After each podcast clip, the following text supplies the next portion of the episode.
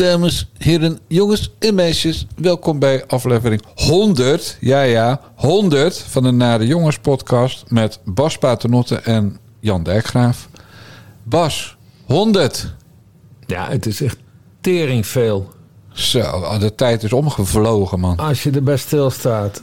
En het, want het is, het, is, het is dus al sinds 2021 hè, dat we dit doen. Het is nu 2023. Ja, het is gewoon bijna twee jaar. 4 maart zijn we volgens mij begonnen. Ja. Hebben we niet nog een, mooi geluidsfragment van de eerste uitzending? Het is, een, het is een wonder dat mensen eh, aflevering 100 hebben gehad. Want Jezus Christus, wat was de geluidskwaliteit in het begin veel en veel beter dan tegenwoordig. Om dat te illustreren, eh eventjes eh, ja, de begintune van destijds.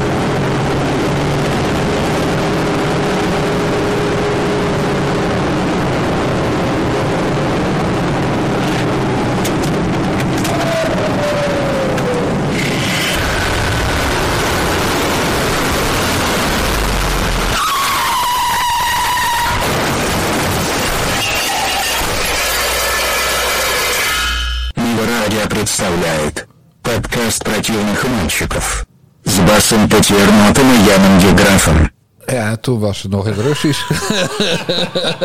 Wat erg, hè? Oh man, en Poetin moest zo notabene Oekraïne nog binnenvallen. Ja, dat was een Oh. jaar daarvoor. Bijna, een- Echt? bijna een jaar daarvoor. Oh, dat, het, oh man, het geluid, alles was ruk. Maar die tune ook, dat ze dat een goed idee vonden. Want, het was gewoon een, een, een muur van herrie kwam er gewoon uit, uit, uit elke koptelefoon. Iedereen die dit beluisterde. ja, nou, nu weer eventjes. Oh Ja. man, wat Ja, we hadden bedacht het, het station wat wij gaan maken heet Niva Radio. En dit was een ritje in een eh, Lada Niva. Die een stuk harder rijdt dan die van mij trouwens. En eh, die, ja, die naam was bedacht omdat ik een Lada Niva had gekocht. Een paar maanden daarvoor. En eh, in het Russisch werden wij aangekondigd. Na de jongenspodcast met Bas Paternotte en Jan Dikgrif. Ja, Maar dat was wel echt Russisch, hè? Dat was wel grappig op zich. ja, ja, Ja, en, en de rest van het geluid was ook kut. Ja. Alles was... Nou, de inhoud natuurlijk niet, want dat waren wij. Maar het was Nou allemaal... ja, als je het kon verstaan dan. dan eh, We kregen ook helemaal niet meer dan duizend klachten elke week. Nee, precies. Nee. Maar wat ik zo bizar vind, is dat, eh, eh, wat ik net zei, dat, dat we het al zo lang doen. Want ik heb, ik heb, ik heb dus even al die, die honderd draaiboeken heb ik gewoon even doorgebladerd. Hè, want ik, ik print dat uit en ik Ja, een stop mapje. Het, een mapje en je weet hoe dat gaat. ja. In een ordner. En, maar, en dan zie je dus dat de eerste dus 4 maart 2021 was. Toen was er notabene nog een avondklok. Ja, precies. Want die, die, die stopte pas een maand later. Toen werden we nog geknecht. Eh, ja, maar, maar echt, maar dat, dat voelt als een eeuwigheid geleden. Ja, de Ik had, het ook, ik had het ook met mijn vrouw daarover. Eh, want ik, ik zei dat tegen haar tijdens het diner. Van, weet je al, dat Jan en ik zo lang die podcast maken. Dat er, dat, er was dan zelfs nog een avondklok.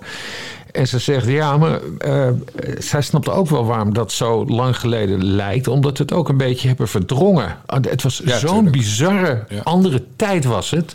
Je kan het je eigenlijk niet meer voorstellen, bedacht ik me. Nee, Hugo de Jonge was nog regelmatig op tv. Ja, Dat, eh, ja. En Siewert van Liende was, eh, was nog niet omstreden. En, en er moesten nog verkiezingen komen.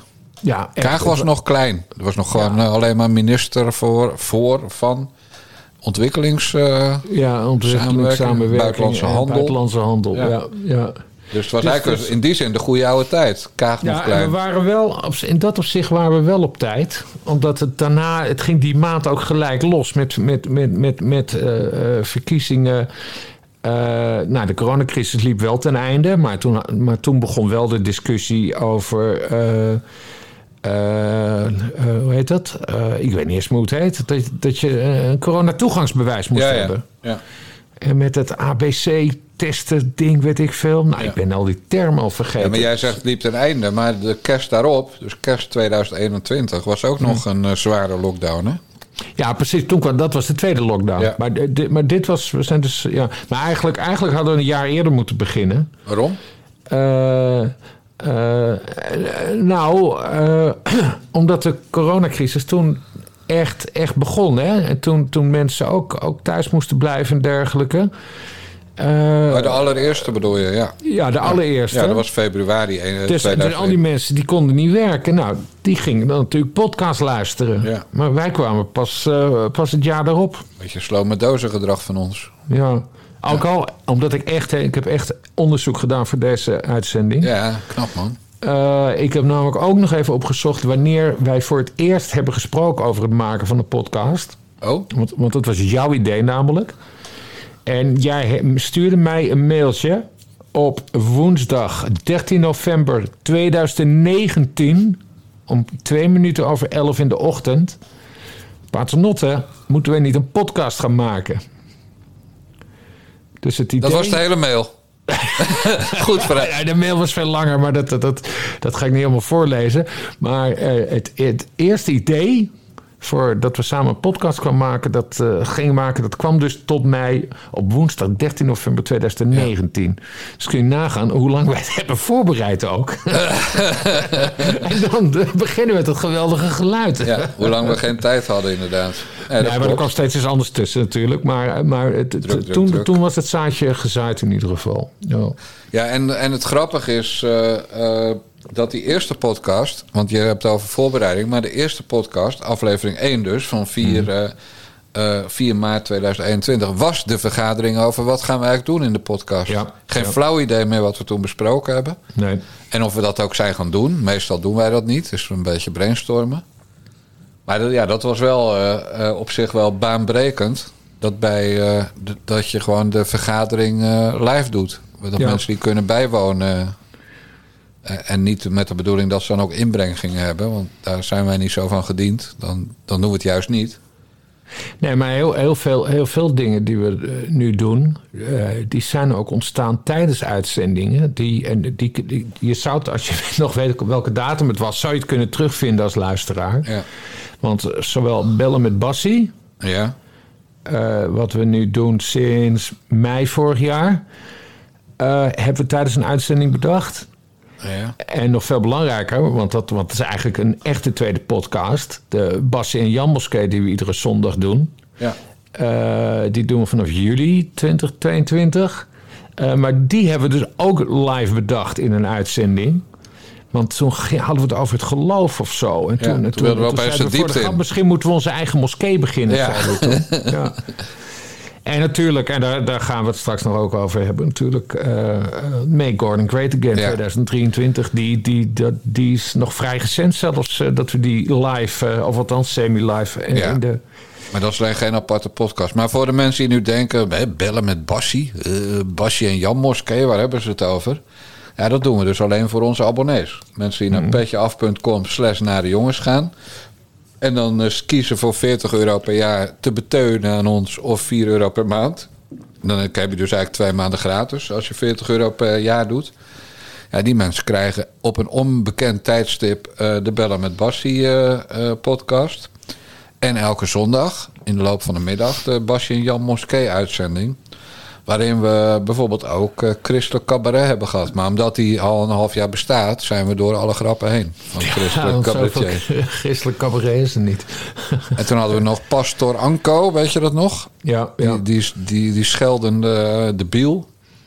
En, en hoe heet ook alweer die, die grappen maken waar jij zo'n fan van was? Ja, ben ik het nu al vergeten. Ja, natuurlijk. iedereen is hem al vergeten. Zijn Ja. publiek is hem vergeten. Zijn vrouw is hem vergeten. Wij zijn Ja. hem vergeten. Ja. Maar eigenlijk is die moskee eh, die zich ook weer aan het doorontwikkelen richting... het is gewoon een tweede podcast.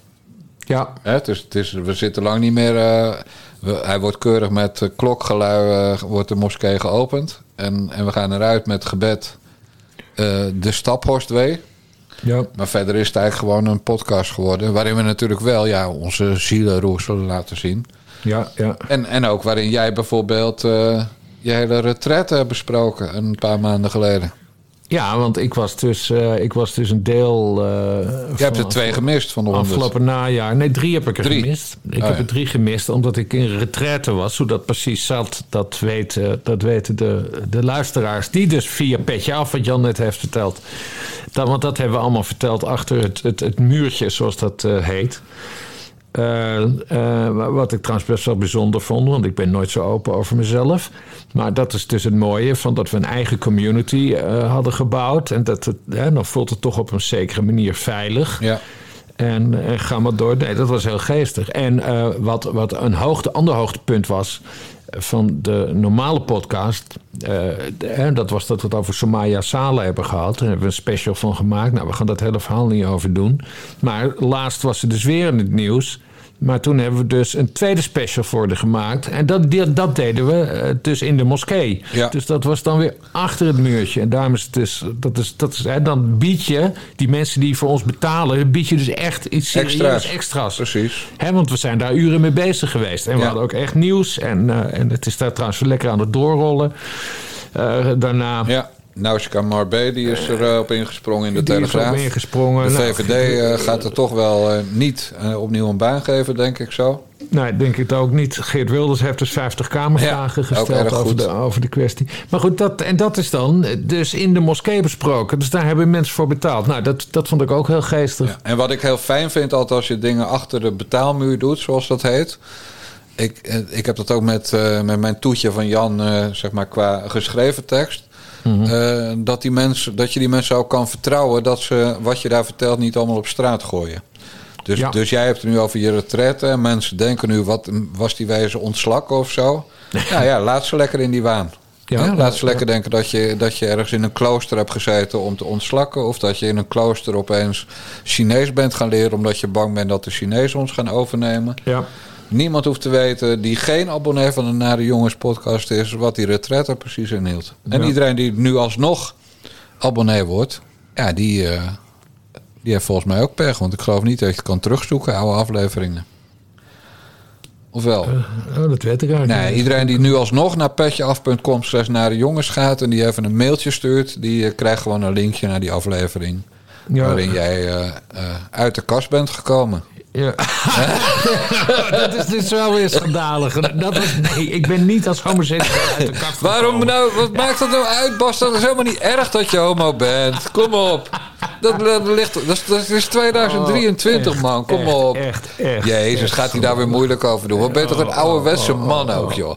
Het is toch helemaal prima dat jij homo bent, joh? En, dat, en als Monique er geen moeite mee heeft, nou, ja, doe het gewoon. Lekker. Ja. En noem het Maar, retraite. maar, wacht, maar wacht even. Volgens mij gewoon als je een abonnement neemt op petje af.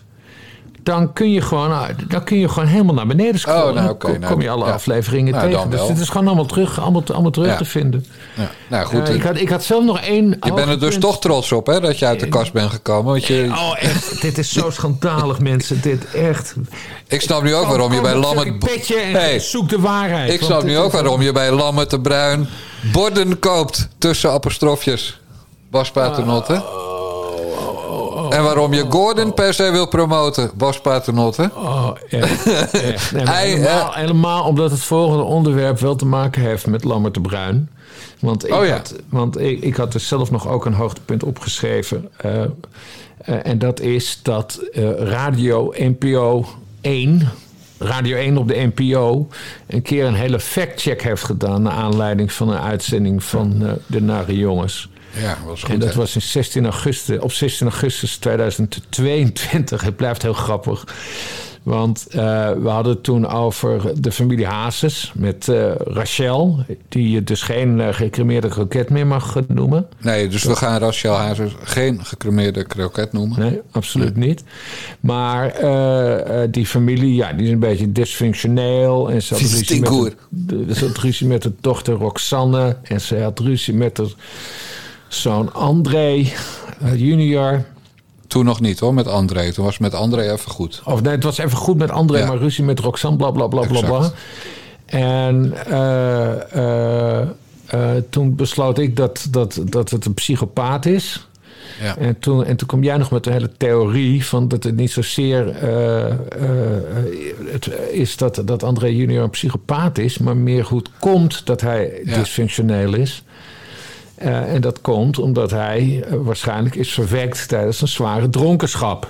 Dus er is een theorie dat kinderen die verwekt worden tijdens uh, dronkenschap van een van de ouders of beide ouders, dat die zo'n blokhoofd hebben en dat die niet helemaal honderd zijn. Nou, en, en mijn theorie was dat Andreetje Hazes junior, die ook nog zwaar aan de drank en de snuif zat in die tijd, maar dat hij gewoon dat syndroom had. Dus, dus daar kon hij er verder weinig aan doen.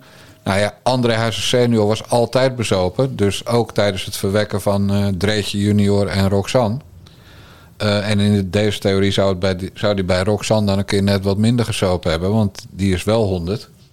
Maar die theorie werd dus gefactcheckt door die Lamme de Bruin, die ik net noemde. Dat homo-vriendje van onze, van onze Bas, die uit de kast is gekomen.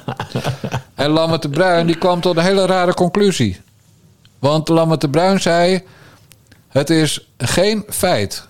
Het is niet waar. En waarom zei hij omdat dat, dat niet waar was? Hè? Want dan moet je de onderliggende stukken lezen, zoals dat heet. Ja. Omdat er geen wetenschappelijk onderzoek naar was gedaan. Ja. Dus dat betekent niet dat het niet waar is. Dat betekent dat het nog niet bewezen is in Nederland dat het zo is. Ja. Dus kan evengoed wel waar zijn. Dus feit of fictie is dan altijd de vraag van, van het homo-vriendje van Bas.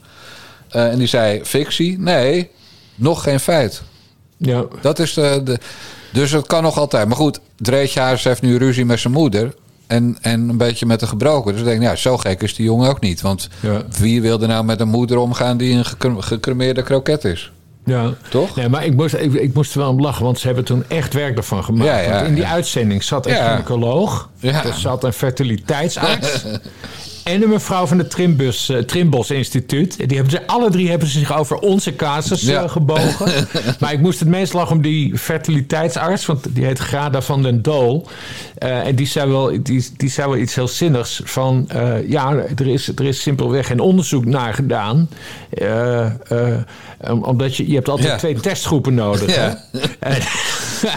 En, zij zei van, nou ja, kijk, je kan dus gewoon niet eh, mensen eh, dronken gaan voeren en ze dan kinderen laten maken. Want ja, dat is, dat is gewoon wetenschappelijk. eh, Ja, dat, dat is, eigenlijk niet zo, niet zo Onethisch. Dat is Ja, onethisch, gewoon. Ja, je, Ja, mag geen, je mag niet mensen dronken voeren en daar dan een kind uit laten ontstaan. Want dan kreeg je dus André Hazes junior allemaal. Ja, Maar goed, we moeten tegenwoordig een beetje op onze woorden passen. Dus te- in, toen op 16 augustus 1922... dus dat was volgens mij exact 45 jaar na de, de dag waarop Elvis Presley werd vermoord. Zeg ik uit mijn hoofd. Klopt, hè? Hij overleed op 16 augustus 1977 Ja. in zijn toilet. Wat zei ik?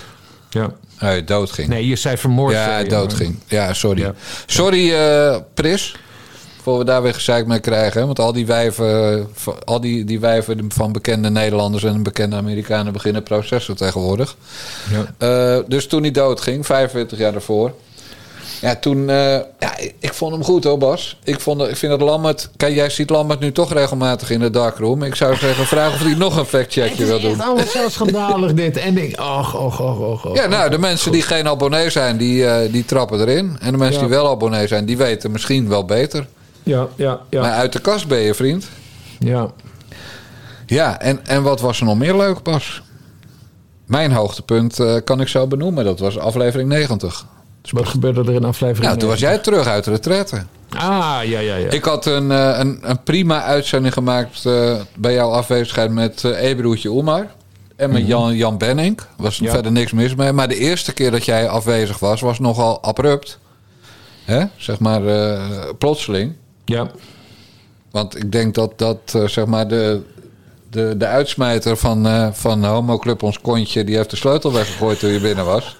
Maar je was opeens weg. Dus toen heb ik één aflevering in mijn eentje gedaan. Nou, dat was, dat was echt dramatisch slecht.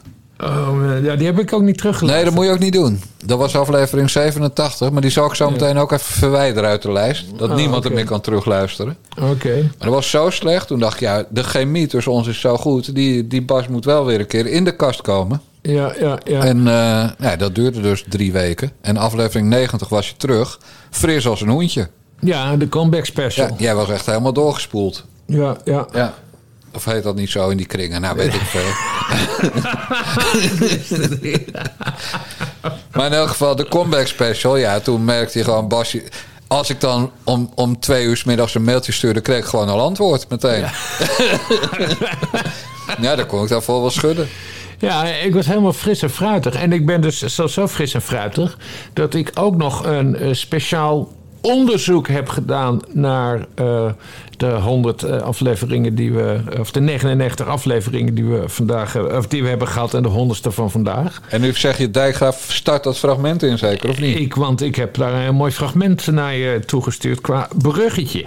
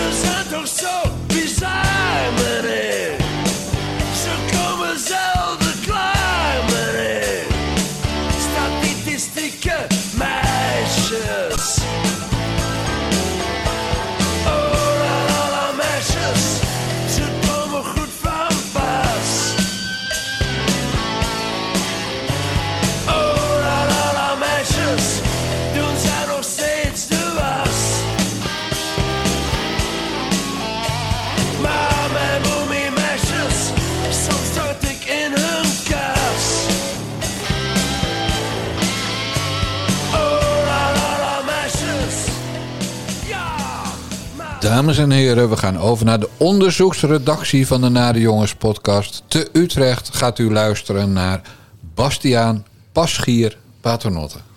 Nou, want eh, ook eh, afgelopen tijd hadden wij het erover. eh, hebben, wij, hebben wij het eigenlijk wel vaak genoeg. of hebben wij het wel genoeg over, over vrouwen? Betrekken wij vrouwen wel genoeg in onze afleveringen? Eh, we hebben toen ook oproepen gedaan. Er, er werd ook op gereageerd van. eh, we willen ook graag vrouwelijke abonnees. Want we hebben het idee dat het misschien een beetje te veel een hengstenbal is. En toen ben ik eens even gaan kijken, maar is dat eigenlijk wel zo? Ja, vertel. Want hoe vaak hebben wij het over vrouwen gehad? En, en, en ongeveer vanaf het begin noemen we elke aflevering een special, omdat dat lekker Ja. bekt. En hoeveel vrouwenspecials hebben we gemaakt?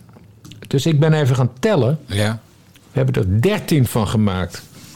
oké, dat is best veel. Aflevering 2 begon al met vrouwenspecial. Ja, duidelijker kan het niet. Nee, precies. Toen moest iedereen eh, even tien afleveringen wachten. En toen eh, diende aflevering 12 zich aan met de Jankwijven special. Vijf weken later hadden we de Lekkere Wijven special. Ja, nou, duidelijk. Aflevering 24. Wijven special. aflevering 31. Mona special. Mona Keizer? Over Mona Keizer. Ja, ook een wijf. Toen 41. Hoi, Moon. To- Toen 41, eh, aflevering 41. Dat is onze allerbeste eh, be- beluisterde vrouw. Sumaya special. De Sumaya Sala special. Eh, toen kwam aflevering 46, de Me Too special. Waar het ook heel even over mannen ging. En, eh, want weet jij toen nog dat... Och, nu ben ik ogenblikkelijk zijn naam vergeten. Eh, campagneman, vroeger van GroenLinks... ging daarna naar het Europees Parlement... had Zini Osdil ervan beschuldigd. Sieper dat en hij- Kooistra. Sibren Kooistra. En die beschuldigde oud-GroenLinks-Kamerlid uh, Zini Osdil ervan... dat hij hem zou hebben ja, betast, aangeraakt. Aangerand in elk geval. Aangerand. Misschien wel verkracht. Ja. En, eh, en ik heb er nog even op zitten googelen daarna. Van, heeft, heeft, heeft die, eh, die Cyperen dan ook nog aangifte gedaan of zo? Helemaal, hoor je helemaal niks meer over. Nee, die is weer weg, hè? Die zit Ja. er in de kliniek. Die zit bij Peter, Petertje Breedveld in de kliniek en zo. Ja, oké. Dan gaan we verder, want toen kwam aflevering 49. En eh, die noemden we ook de Vrouwenspecial. Toen kwam aflevering 50, dus dat was de week daarna alweer. De Dick Dick Special. Dat is niet van vrouwen. Eh, nee, maar we hebben het wel gehad Oh, over wat voor invloed Oh, zo, eh, ja, ja. dickpics eh, hebben op vrouwen. Want toen was die kwestie met Mark Overmars die weg moest bij, bij, bij Ajax. Eh 63, Zijkwijven Special. Ook alweer. Ja, We zijn niet, ik ben niet origineel met namen. En toen, en, toen, en, toen, en toen kwam er een, eh, een mooie cryptische tien eh, weken later. Dat was nummer 73, namelijk de Koelkast Special. De Sigrid Kaag. Met een geweldige tekst ernaast staan als introductie. Want wie krijgt het niet ijskoud van? Sigrid Kaag, Xenia Kasper, Eva Jinek, Prinses Laurentien, Barbara Barend en Margaret Thatcher. Nou ja, er is geen woord aan gelogen, al zeg ik het zelf. Ik heb er geen idee wie Xenia Kasper is. Vind Dat is de manager van Linda de Mol. Oh, Ja, kijk die, Ah, Duitse, ja. die Duitse bitch. Die, eh, Ja, ja, ja, weet ik het in één keer weer. Ja. Ja. Eh, dan gaan we verder. Aflevering 81, die stond, eh, die stond ook weer helemaal solo in het teken van een vrouw. Dat was namelijk de Tok Tok Special. Dylan? Dylan Jezik los. Ja, dan moet je namelijk weten. Keihard aanpakken die leuk. Keihard aanpakken de tuig. Die. Ja. Ja. En toen... Dylan aflevering- hebben we trouwens heel vaak in de uitzending gehad. Wat zeg jij? Die hebben we heel vaak in de uitzending Ja, gehad, echt, echt heel Ja. vaak. En, eh, en daar viel me nog eens op. We hadden dan ook vaak een, een zucht over Bente Becker. Ja. Dus de, de copycat, die was stil, maar die is vorige week weer uit, eh, uit haar graf herrezen, omdat er weer verkiezingen aankomen. Dus die is nu weer stoere praatjes aan het Oh, hou jij dat nog in de gaten? Want ik wilde Absoluut. zeggen, hebben we ooit nog iets van haar Ja. gehoord? Nou, vorige week kwam ze opeens terug. Dus of zij heeft een steltje kinderen gebaard, of eh, Ja, ze had... een kind gebaard, maar dat was voor, vorig jaar. Ja, ja, ja, ja maar, nee, ze was heel stil. Haar portefeuille is natuurlijk een beetje overgenomen door die Ruben Brekelmans, want die kan eh, overtuigender liegen. Mhm. Eh, maar ze was opeens weer terug eh, van de week. En toen Ja. kwam er ook meteen iemand overheen met een, eh, een tweet van vier jaar geleden van Bente Becker. Toen eh, ze zei, desnoods gaan we een asielstop doen in Nederland. Nou, dat, eh, dus toen kreeg ze deze week te horen, nou, daar is veel van terechtgekomen in, eh, sinds 2017. eh. Oh man. Ja, Bente Becker is gewoon exit. Ja. En, en gaat ook niet meer doorbreken, zoals Dylan. Nee, nee, nee, maar Dylan die, die heeft het dus wel mooi gered. Want Voor iemand die, die, die- ja, voor zo'n partij hoer, zo'n slet die van GroenLinks, PvdA, SP belandt bij de VVD. De Ja. eerste partij die er wel een baantje geeft. En nu ja, gewoon het, eh, eh, een van de topministeries onder. ja terwijl, ze, terwijl ze gewoon sociale academie heeft gedaan. Dus eh, ze heeft bepaald niet ervoor doorgeleerd. Ze kan er ook geen kloten van. Nee. Onder haar bewind heeft een Nederlandse politieagent ook bijna een jochie van 16 doodgeschoten, bewust. Ja, Terwijl het jochie niks deed behalve eh, naar, naar moeder toe rijden met zijn trekker. ja, maar ze kan, wel, ze kan wel mooi kuiven met Sylvana Simons. Ja, dat Dat zijn, was echt- dat, is- dus dat moeten we ook nog een keer. Ik noteer meteen de viswijver special, want die hebben we nog niet gehad volgens mij. Eh, eh, hey, nee. Nee, die gaan we dan nog keer doen. Viswijven hebben we vermeden. Ja, Dat is wel gaan we nog een keer doen. Staat genoteerd. Oké. Eh, ik, ben er, ik ben er nu bijna. eh, want we hadden dus al een keer een wijvenspecial. Maar nummer 83 noemden we ook een wijvenspecial. En, maar dat kwam omdat we toen achterkwamen dat we iets aan ons abonneebestand moesten doen. Ja. Omdat het in het abonneebestand van de Nare Jongens nogal een hengstenbal is. Vandaag een speciale aflevering voor en over vrouwen. Waarin eh, wij het voorheen een zwakke geslacht nogal wat veren in de bib steken. En toen hebben we het gehad over Savannah Simons, Ariel van Kleur, geen idee wie dat is. De meiden van Ongehoord Nieuws. Claudia de Brij, jouw vriendin, en nog meer van zulks. Maar goed, wij, dachten dus onze vrouwvriendelijke kant te laten zien met de term. En daarom gaan wij voor de vrouwen een wijven special maken.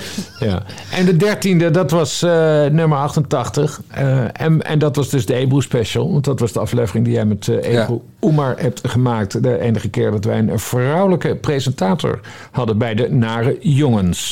Hé hey Bas, maar als jij zegt 13 keer een vrouwenspecial, Mhm. dan is het toch 87 keer een mannenspecial geweest? Of, of ben ik dan weer te rigoureus? Is er ook nog een Eh, grijs nee, gebied? dan, dan, ben je te, dan ben je te rigoureus. Want de, de andere onderwerpen die waren dan wel niet specifiek op vrouwen gericht. Of gingen niet specifiek over vrouwen. Maar de onderwerpen waren natuurlijk wel interessant voor vrouwen. Want we hebben het natuurlijk gehad over onze pijlers. Over, over politiek, over voetbal, over media. Dus nee, de- Joodse de- meisjes. De Joodse meisjes. Nee, de, de vrouwtjes die zijn allemaal aan hun trekken gekomen. Laat dat maar aan Bas en Jan over. Hè? nou, ja. stoere mannen dat er zijn. ja, nou ja, over de mannenspecials gesproken. Ja, hoeveel? Eh, je, zou ze, je zou eigenlijk kunnen zeggen dat het er vier zijn. Oh. Ook kunnen die ook weer interessant zijn geweest voor vrouwen. Eh, we, nummer 54, aflevering 54, heette letterlijk de Mannendag Special. Ja. Geen idee waar we het toen over hebben gehad. Eh, we hebben ook een keer een volledige voetbalspecial gemaakt. En we hebben twee keer dezelfde man eh, uitgelicht. En dat was nummer 11 en nummer 75. Dat was Pinocchio. En dat is wel grappig trouwens. De VVD bestaat 75 jaar In vandaag. aflevering 75 van de Nare En- Jongens ja, podcast. want Markie, we hebben twee keer de Mark Rutte special gehad. Ja, nee, dat is nog kaardig, Ja, vind ik. Maar goed, dus we hebben bijna... Nou, we hebben ruim drie keer zoveel vrouwen specials gehad dan mannen specials. Maar ik geloof dat ik nog wel wat moet werken aan de titels. Dat die wat vrouwvriendelijker moeten worden. ja, ja maar ook van de Koelkast special heel geestig gevonden. Dat wel, ja. Ja. Nee, dat klopt. En dan, dan krijg je ook weer appjes van... moet dat geen ijskast zijn? Nee, dat was een koelkast. Ja, ja. Ja, want zo ja, koud, koudbloedig kan je kaag niet noemen. Hè. Er zijn Maar toch goed, vier ik vind, kinderen het toch, ik vind het toch Ja. wel mooi gedaan. hoor. Het zijn veel afleveringen, allemaal voor de vrouwtjes. Dat hebben wij gewoon Ja. keurig gedaan. En verder bezing jij altijd de Joodse vrouwtjes. En, Ja. en dan mag ik graag eh, eh, jou eraan herinneren dat je... voordat je met mevrouw Paternotte was een tijdje... eh, hebt samengewoond met onze voormalige redactieassistente Naomi. Ja. Die ik er natuurlijk gewoon halverwege het jaar zonder... toen jij eventjes een dag weg was uit heb geflikkerd. Want ik hou niet van dat nepotisme. Dat, dat, je, gewoon, eh, dat je ex gewoon op het secretariaat zit. Dat we, zijn, we zijn geen politieke partij. Nee, dat is waar. Nee, en- Geen D66. Nee, dat bedoel ik. Dus wij doen niet aan die gekkigheid. Maar Joodse vrouwtjes is toch wel echt een, een, een zwakke plek bij jou in positieve zin. Hè? Die, die kunnen je ja. erg vertederen. Eh, dus, dus misschien moeten we ook nog een keer een voetenspecial doen... waarin we dan Esther Voet een rol geven. Voetenspecial klinkt ook meteen heel erg Ranzig zeker weer. fetishistisch. eh. Ja, het Algemeen Dagblad, de krant die, eh, die altijd nieuws brengt... had gisteren een stukje over dat iemand wel 1000 euro per week verdiende... aan het tonen van haar voeten aan voetenfetischisten. Dat meen je niet. Ja, dat is het niveau van het Algemeen Dagblad tegenwoordig. Als ze tenminste niet eh, Berghuis als een soort eh ophits misdadiger op de cover van de sportkatern zetten. Ja, Hè? ik Berghuis van Ajax. Die vuile, vieze, smerige tering overloper, weet je wel?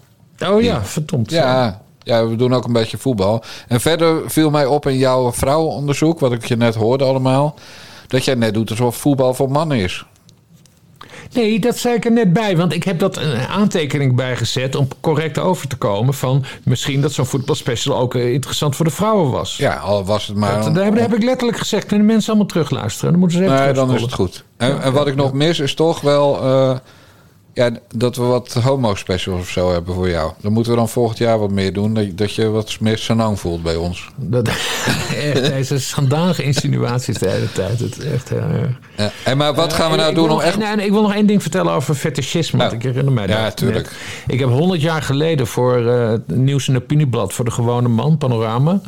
heb ik een keer een reportage gemaakt over de seksindustrie. En eh, toen heb ik daar een eh, hele interessante ondernemer gesproken. Het was eigenlijk een, eh, een student... Maar die, die, die verkocht, internet stond net in de, in de kinderschoenen. Maar die verkocht gebruikte slipjes van vrouwen. En daar konden mannen dan aan ruiken. Jezus En dus ik vroeg aan hem, maar hoe kom je aan die slipjes? En hij zei, nou ja, ik ga naar de zeeman en ik koop 500 van die dingen. En hij, hij had zelf iets gemaakt met, ja, weet ik veel, iets met, iets met kruiden. eh, Nee, dolt. azijn, nee, echt, echt een soort azijnoplossing. Maar dat het dus echt... Het, het rook wel ergens naar. en dat gooide hij over, daar liet hij dan al die slipjes in weken. Jezus. En dat was een heel proces. Dat het moest dan drogen. En dat, daar was hij een week mee bezig. En, maar die zaak die liep als een wilde. En dan, en dan verkocht hij die slipjes voor 10 gulden of zo. Terwijl die Dat ook gewoon even-. Terwijl hij ook gewoon even bij Haring Arie drie haringen had kunnen halen. Ja, nu maak jij het dus weer nog ja, platter. ranzig zeker. Nog Nee. ranziger, ja. Maar, maar dat kon toen nog. Kijk, en nu kan het helemaal niet meer. Want eh, ik zou, stel voor dat ik dat, dat fetischisme zou hebben. Ja, ik zou dan toch wel graag een foto van de dame in kwestie willen zien en zo. Oh, ja, ja. En, eh, maar ja, maar dan, dan moest hij dus ook nog eens even 200 verschillende foto's gaan regelen. Daar had hij geen zin in. Dus hij verkocht dan puur gewoon dat slipje. En, en maar mannen en misschien vrouwen, die kochten dat gewoon, die fetischisten. Het maakte ze geen zak uit. Ze hoefden niet eens de foto. Als ze maar aan dat slipje konden Maar ruiken. dan ben je toch gewoon een fraudeur als je dat doet met azijn en al die shit? Ja, of je bent een hele creatieve ondernemer. Nee, ben je gewoon een fraudeur. De, de- de aanbod, eh, nee, vraag eh, schept, schept aanbod. Als, als, als mensen dat willen, nou ja, prima. En als ze geen klachten hebben. Nee, maar de suggestie is dat het gebruikte vrouwenslipjes zijn... en de waarheid is dat ze nieuw zijn. En Ja. dat deugt niet. Ja. Had ze op zijn minst even zelf aan moeten trekken... en dan door de azijn moeten Nou, het, het is te lang geleden. Anders, ja, ja, dan anders, zou anders, ik aangifte doen. Nee, anders had ik, anders had ik die, die persoon in kwestie kunnen vragen of, eh, of hij ooit een melding heeft gehad van de Consumentenbond. Van eh, deze meneer heeft mij opgelicht. Volgens mij zijn het geen echte ge- gedragen eh, vrouwenslipjes. Nee. Alsof iemand daarover gaat klagen, Jan. Wat, wat, moet je, wat ga je doen? Ik geloof ook niet dat je bij Rada gaat zitten met... eh, voedselwarenautoriteit. Vorige week heb ik een gebruikte damesslipje gekocht. Maar het, het, het, het bleek een azijnoplossing te zijn. en niemand gaat erover klagen. Nee, daar heb jij een goed punt. Ja.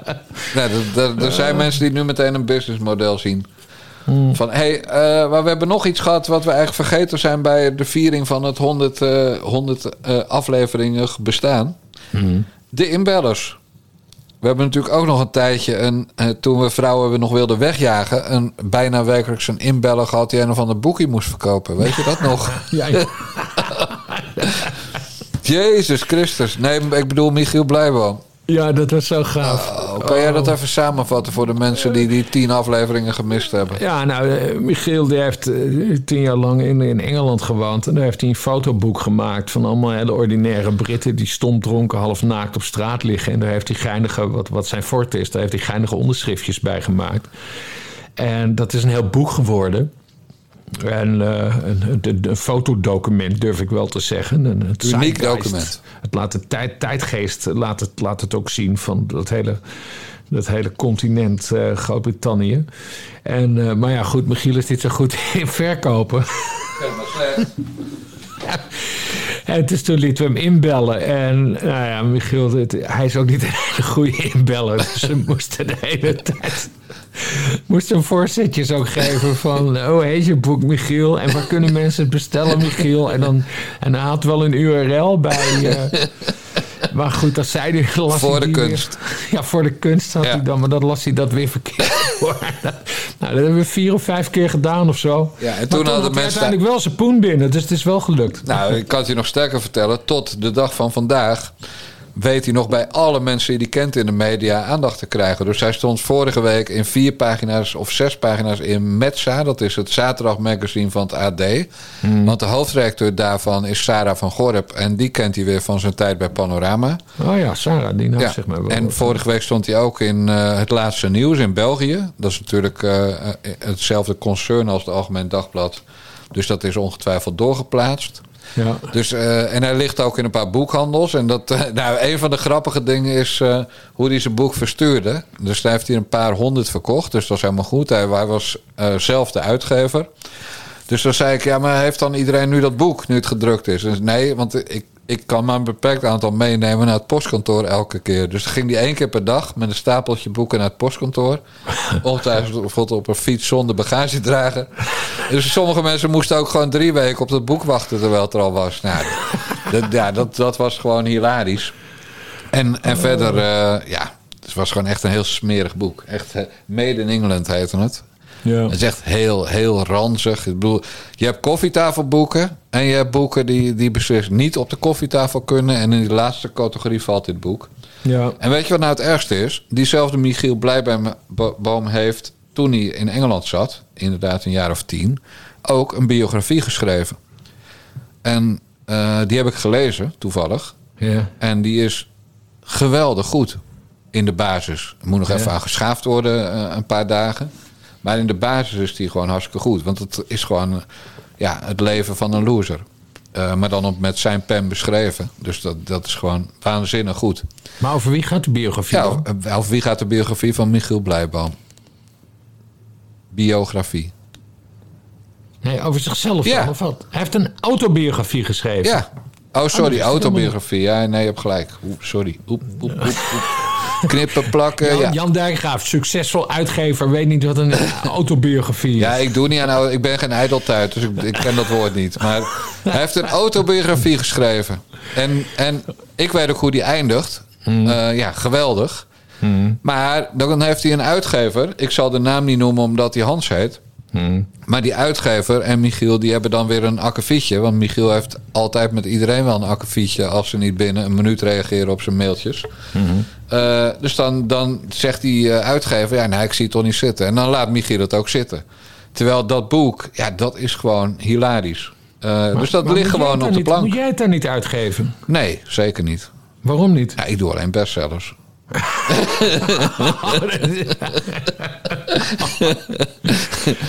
nee, eh, ik, eh, ik eh, ga dit jaar wel een aantal boeken uitgeven. Ik, ga, ik heb sowieso besloten niet meer van mezelf, behalve biografieën. Dus niet autobiografieën, maar echte biografieën. Ja. Maar verder schrijf ik geen boeken meer in de rest van mijn leven.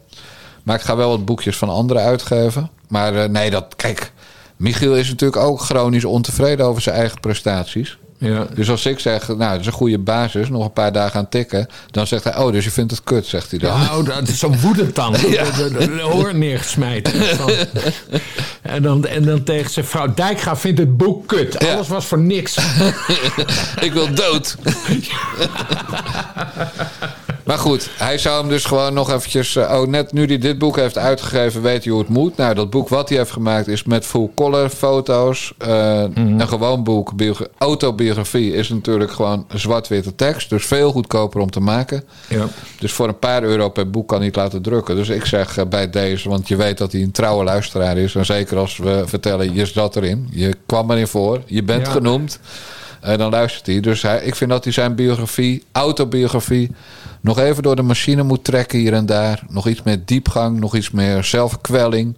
Ja, dan kan hij zo de markt op. En dan, dan is het gewoon een, een waanzinnig goed boek wat hij dan heeft. En, dan, en dan mag je het komen promoten in de nou. Dan gaan wij weer in laten bellen. Ja, Ja. Dan Michiel, hoe heet je boek? Ja. Eh, Michiel, wie is de auteur? Eh, Michiel, wat kost het? Eh, geld, zegt hij dan. En dan denkt hij dat hij grappig is. Ja. Ja, zo gaat het dan ongeveer. Ja, dat, maar de, de inbeller, jij wilde vanaf het begin elke week inbellers. Ik niet. Nee. Ook omdat de geluidskwaliteit nogal afstak tegen die van onze eigen apparatuur. Hè, als je Ja, inbellers onze zegt. eigen superieure geluidskwaliteit. Precies, Ja. precies. Sinds we de compressor hebben ontdekt, gaat het een stuk beter. Ja. Eh, maar ik ben tegen inbellers. Maar Michiel Blijboom met zijn nieuwe boek, zijn autobiografie, die mag altijd terugkomen, wat mij betreft. Ja, oké. Nou, hij luistert dus. eh, Hij luistert altijd. We gaan van hem horen, kan niet anders. Ja, nou goed, nou had jij dus een vrouwenonderzoek gedaan, maar ik heb ook een vrouwenonderzoek gedaan. Nederland is toe aan een andere koers. Waarmee we bouwen aan bestaanszekerheid, klimaatrechtvaardigheid en een sterk verbonden samenleving. In maart gaan we naar de stembus. De waterschappen, de provinciale staten, Partij van de Arbeid en GroenLinks gaan als een uniek moment in de geschiedenis één fractie vormen. Eén blok met één doel: een sociale toekomst voor iedereen. Rechts houdt vast aan een politiek die heeft afgedaan. Aan een Nederland zien als een BV met een winst- en verliesrekening. Ze houden vast aan lage belastingen.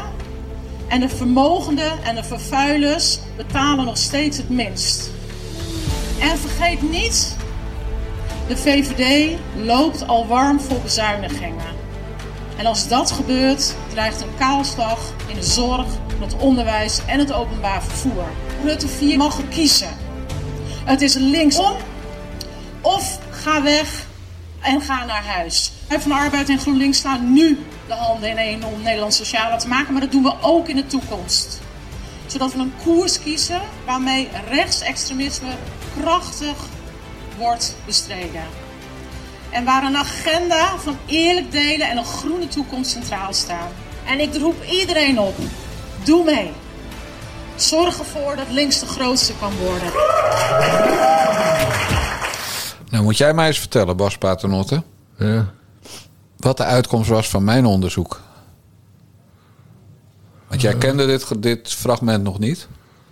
Het probleem is dat we er ook nu geen beeld bij hebben, want mijn onderzoek was eigenlijk beeldgericht. Dus, Ja. dus je, waarschijnlijk weet je het antwoord niet op Nee, mijn maar vraag. wa- was je erbij? Heb je iets kunnen ruiken? Nee, ik heb wel beeld gezien. Zit je nou over slipjes weer grappen te maken? Jezus Christus, man. Ben ook een smeerpijn. Ja, sorry. Is dit nu We hebben, het, we hebben het vijf minuten over Blijboom en je zit meteen weer op zijn niveau.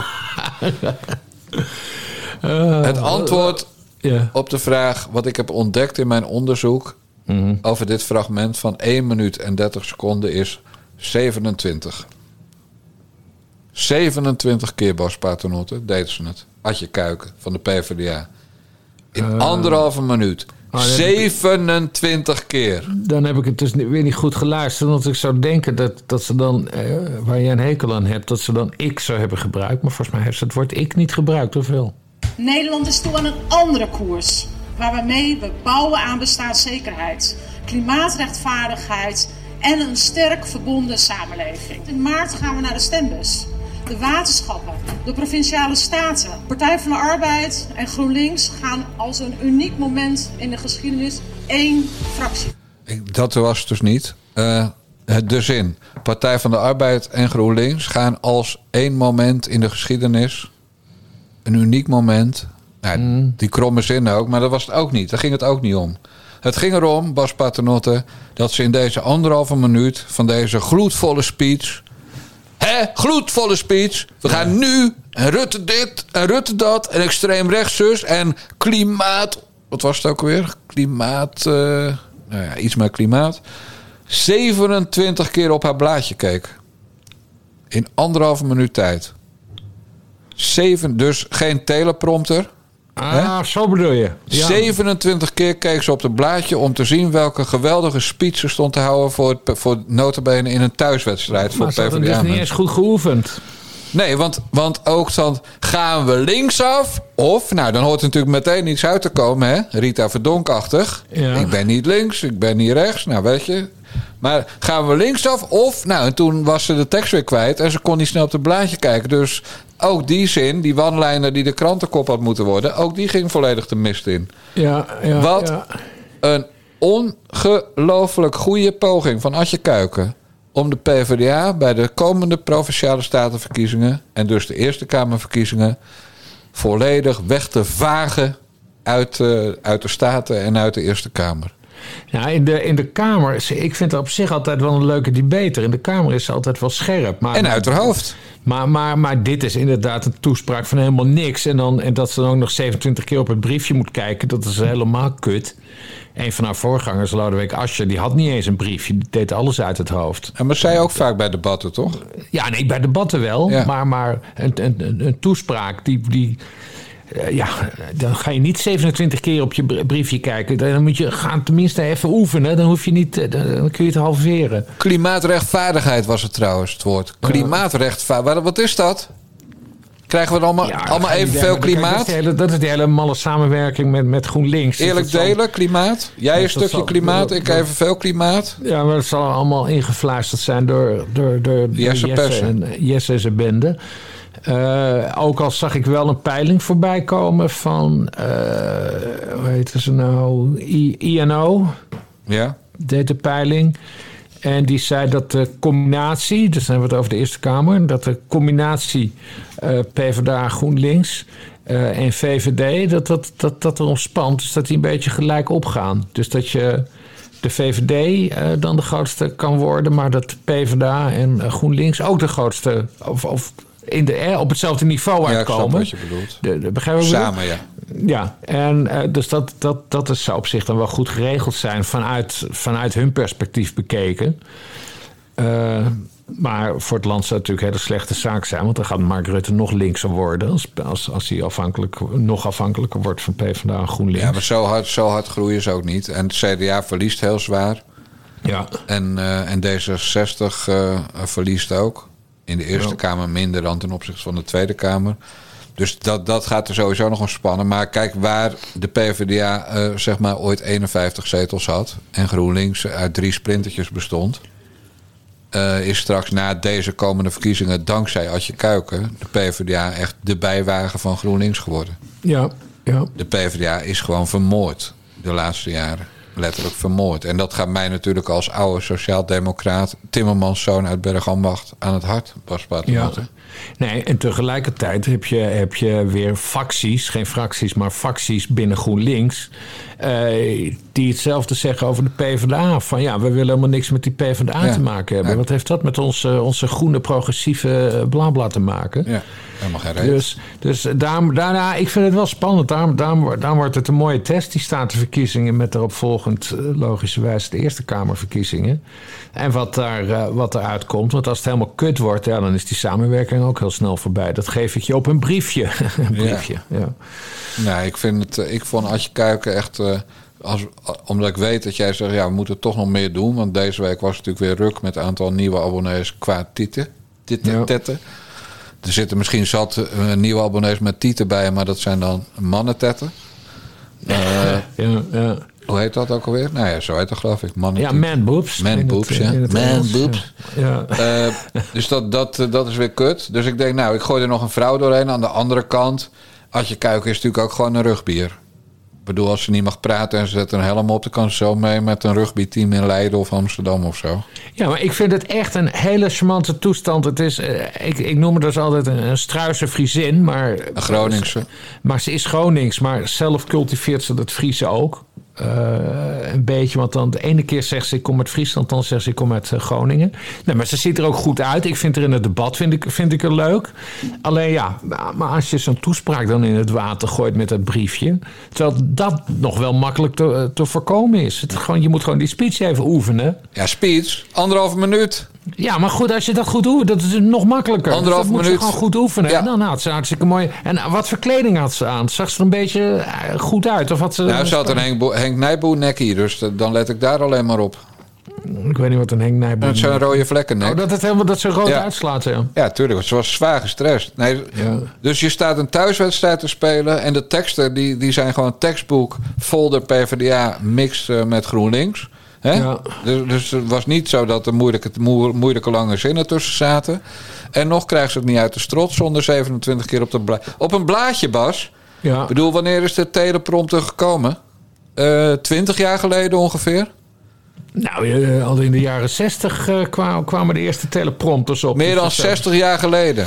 Toen was Adje Kuiken nog niet eens gemaakt. Ja, misschien hebben zelfs ze nog geen- in het ei. hebben, maar misschien hebben ze geen budget of zo. Dat ze geen teleprompter PvdA geen budget. doen. Nee, de jonge socialisten hebben de boel wel leeggeroofd. Ja, dat klopt. ton kwijt, hè, Zo, hoppa. Twee penningmeesters die zeiden... nou, ik heb toch een andere manier van boekhouden. Mm. Ik, dat ouderwetse gedoe dat als er geld binnenkomt... dat je het eerlijk moet uitgeven aan de partij. Nee hoor, dat vind ik allemaal zo ouderwets. Ik, Ja, een ik die doe twee gewoon- die had gezegd... ja, ik heb een, een Bourgondische Ja. manier van boekhouden.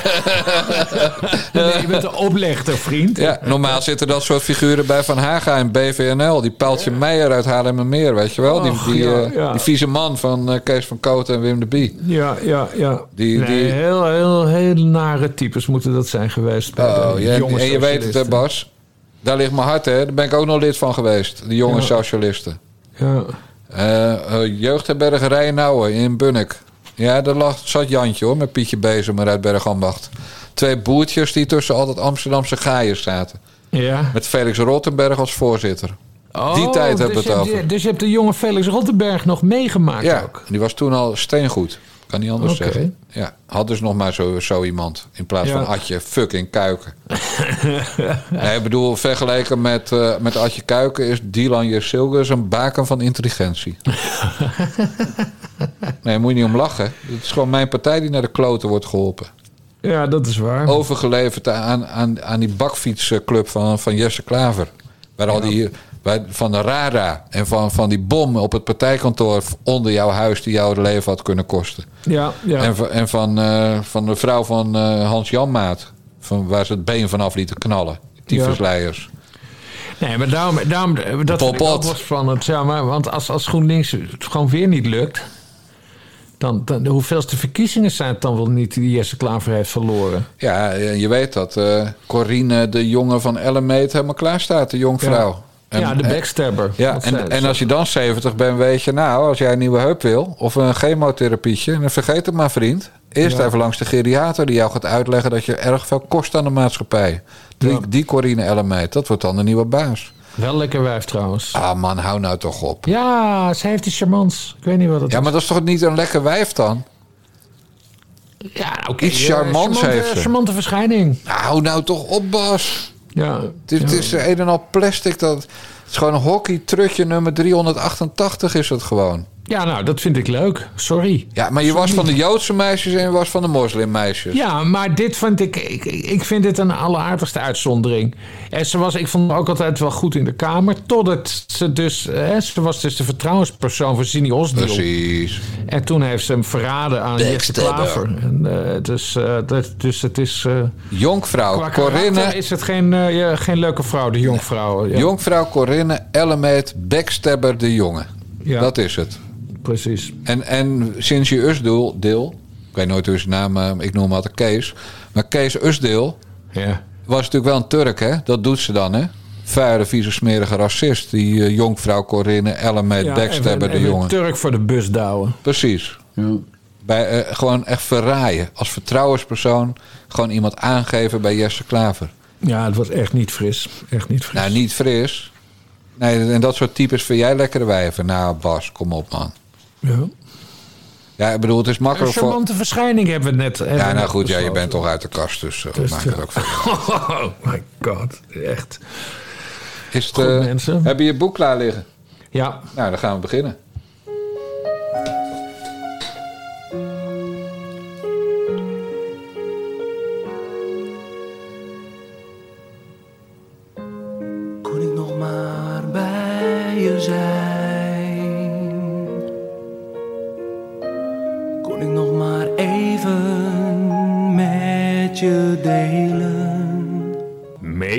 Gordon great again.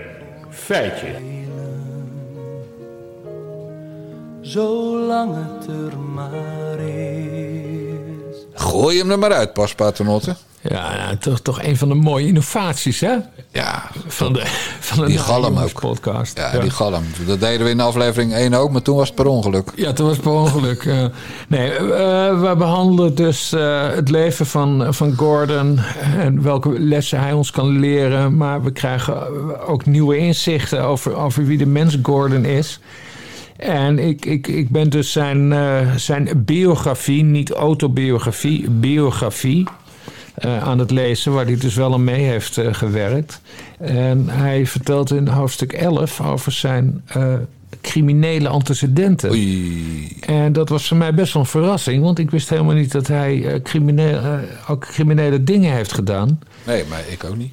Wat En vertel. hij, en die deed hij samen met Belinda. Wie is Belinda? Ja, en nu ga ik even mijn bril afzetten. Ja, ja, Ik heb bril. echt een leesbril nodig. Nou, bril. Nee, zoals we weten was Gordon, eh, was hij dus marktkoopman Ik vroeger. ga even een stukje chocoladeletter eten. Ja, trouwens. is prima. En eh, ja, maar niet kou in de microfoon, hè? Daar- Nee, krijgen we tuurlijk klachten niet. Over. Mi- misofonie heeft dat. Ik zou dat niet durven. Oké, hoe dan ook. Eh, Gordon werkt op de markt, daar leert hij Belinda kennen. Eh, een vrouw van 1,60 meter hoog en 2,40 meter breed. Belinda Schimmelpenning. Ja. nou ja, bloed, eh, bloeddik was ze, zegt, eh, zegt Gordon. Belinda ten broeke. Ja, en ze, en, ze, en ze liep bovendien op eh, krukken. Eh, maar, ze, ze- maar ze werden bevriend en, en het was zo'n vrouw die gek is op, eh, op homo's. Een faghag noemt hij dat. Hoe? Een faghag. Dames, eh, dames facthacks. Als jullie abonneren bij petjeaf.com slash naar de jongens. Want Bas Paternotte is dus uit de kast gekomen. Dus facthacks, welkom. Melden, facthacks. Nou, ga verder. Oh jezus, dat is helemaal uit de hand. Nou, hoe dan ook. Hij, hij begint dus een hele vriendschap met die, eh, met die Belinda. En ze wordt op een gegeven moment wordt het ook eigenlijk zijn eerste, eerste manager. Eh, maar ze ondernemen ook samen criminele activiteiten. Eh, ze hebben weinig geld in die tijd. Want hij is marktkoopman. En nou ja, zij is vooral heel erg dik. Eh, maar hij is al aan het zingen. En dat doen, ze, dat doen die, die lui, die snabbelaars, met orkestbanden. Dus die nemen een soort cassettebandje mee. Maar daar staat dan het hele arrangement op en dan gaan ze dat zelf vol zingen. En die had hij laten verzekeren. Maar toen eh, hadden ze weinig geld, maar ze wilden wel uit en leuke dingen doen. Eh, en toen heeft hij tegen de verzekeraar gezegd: Ja, die orkestbanden die zijn gestolen. Toen heeft hij 11.000 gulden gekregen Van de verzekering. van de verzekering. Dat is fraude. Ja, dat was fraude. Volgende wat hij vertelt. Het is allemaal met die Belinda. Hè? Ja, het liggen allemaal aan die Belinda natuurlijk. Ze, willen naar, ze willen naar Tunesië. Maar ja, geen geld. Zijn naar het reisbureau. eh, eh, nou ja, hele smoes gehouden. Uiteindelijk krijgen ze wel die tickets. En, eh, en, maar ja, geen geld, bla bla bla. Maar ja, dit, dit- we hebben het nu echt over 30 jaar geleden. Ja. Dus hij heeft iets verteld van, ik kom later wel betalen. En het, het, en, het reisbureau is erin getrapt. En toen zijn ze, toen zijn ze hem dus naar Tunesië gesmeerd. Maar daar heeft hij mazzel gehad, want ze zijn niet opgepakt toen ze terugkwamen in Nederland. Eh, maar eh, die mensen hebben uiteindelijk wel deurwaarders gestuurd. Het was best heel heftig allemaal. Toch Gordon een beetje als slachtoffer. Van, oh, toen stond er een deurwaarder. Vond ik wel Ja, schandalig. ja, maar dan gaat hij verder. Want Gordon werkte dus op de markt, maar hij was nog niet zelfstandig koopman. Hij werkte voor ene Nico. En eh, Nico die verdiende ontzettend veel geld aan Gordon.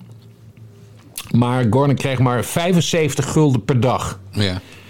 Eh, en dan zegt Gordon ook voor de duidelijkheid: ik maakte een omzet van 3.500 euro per gulden per dag voor Nico. Dus eh, dat vond Gordon niet eerlijk. En dan zegt hij: dus gaf ik mezelf elke dag wat extra. dat is dus diefstal, Ja. Gordon. Dat is jezelf iets extra, dat is diefstal. ja. En dan, en dan vertelt Weet je ook hoeveel of niet? Eh, wat zeg je? Weet je ook hoeveel?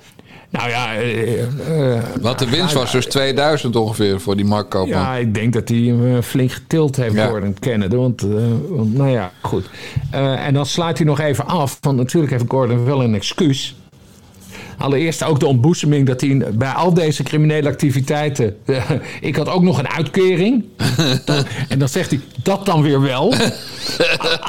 Als- alsof dat goed is. Ja. Van, ik heb een- ja, maar ik had wel ik uitkeerde Dat wel voor mijn geld. geregeld. Mijn Ja. uitkering was netjes geregeld. Oh, en dan zegt hij ook nog waarom hij dan zo crimineel was. Maar het was mijn opvoeding en het was ook de tijd, de jaren tachtig. Er werd niks gecontroleerd, er was geen sollicitatieplicht. Dus deden we dat soort dingen, dat soort gekkigheid. het, het was een manier om te overleven en het zat simpelweg ook gewoon in mijn systeem. Zo was ik opgevoed. Mijn vader deed dat soort dingen aan de lopende band.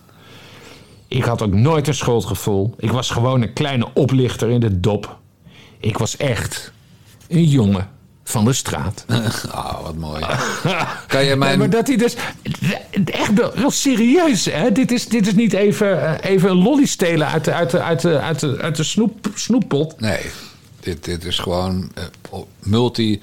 Multifraude is dit gewoon. Dit is multifraude, ja. Maar hij is er Belasting. dus altijd mee weggekomen. Tot nu toe. En eh, nou ja, goed, het, het staat allemaal in dat boek. Maar ik, waarschijnlijk heeft niemand dat boek gelezen. Nee, dat klopt. Niemand heeft dat boek gelezen. Maar ik wil jou toch nog iets vragen, Bas, in het kader van deze actie. Hmm. Dat MGGA, waar staat dat voor? Make Gordon great again. Maar hoezo wordt hij dan great als jij gaat zeggen... Iedereen heeft al heel veel kritiek op onze vriend Gordon.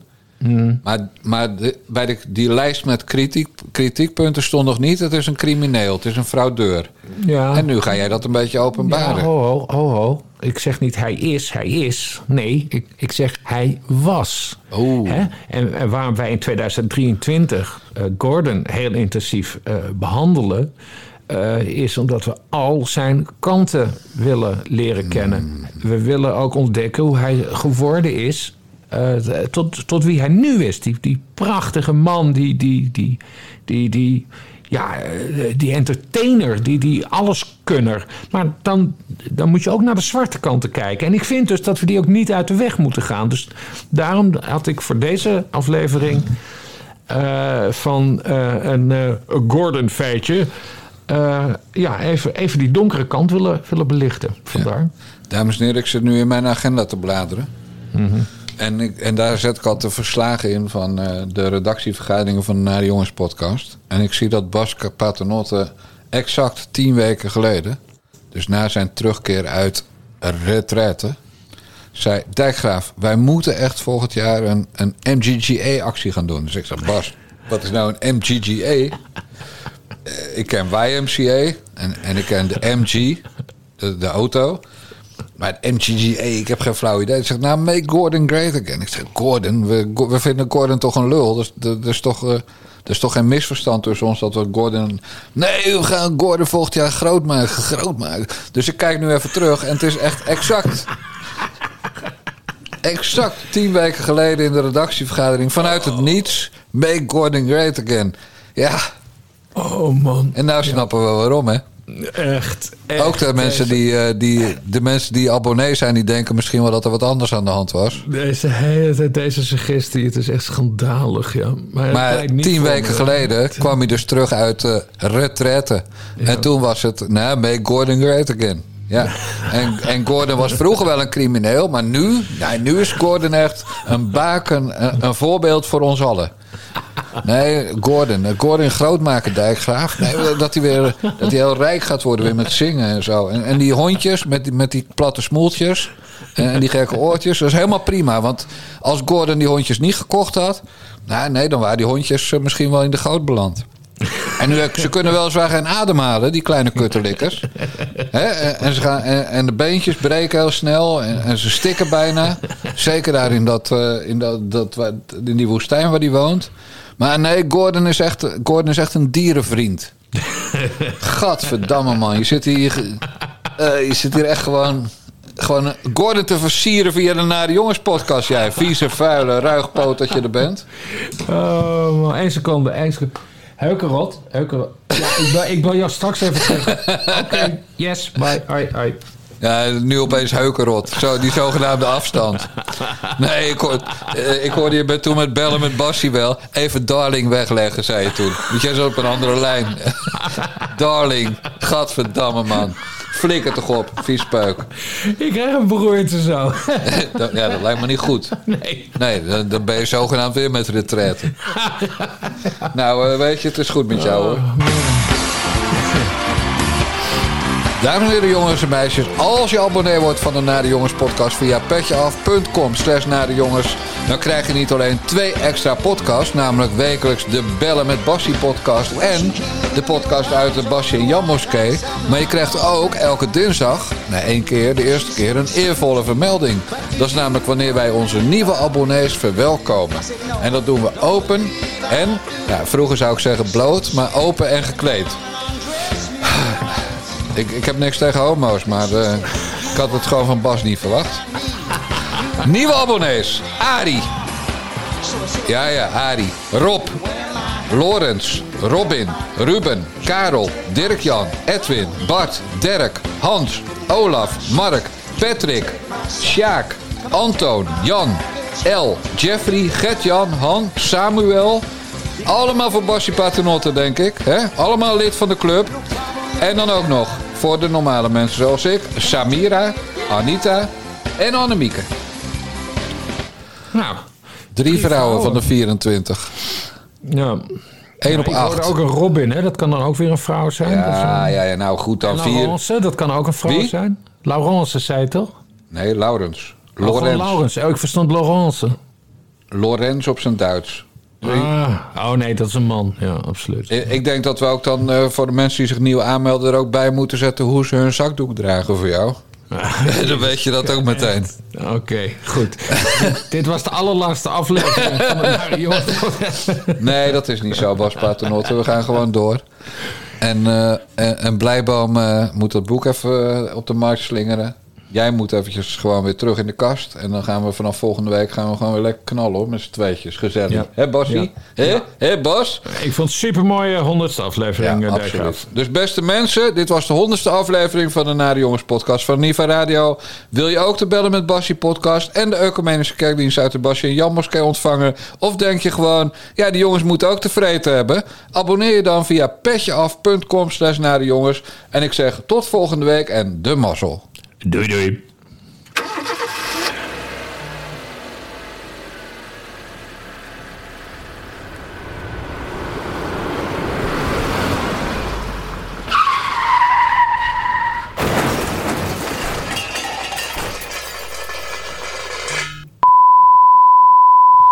Bas, Bas, nu de luisteraars toch weg zijn. Ik heb even, op, eh, even gegoogeld dat fakhacks. hacks. Hmm. Dat is geen eh, compliment als je zo genoemd wordt. Hè? Dat was echt een ordinair scheldwoord. Oh. En weet je dat er ook een equivalent van is? Een fact stack. En wat betekent Nou, dat? ik ben eigenlijk een soort fact stack. Want ik omring me graag met jou. doei doei. Doei.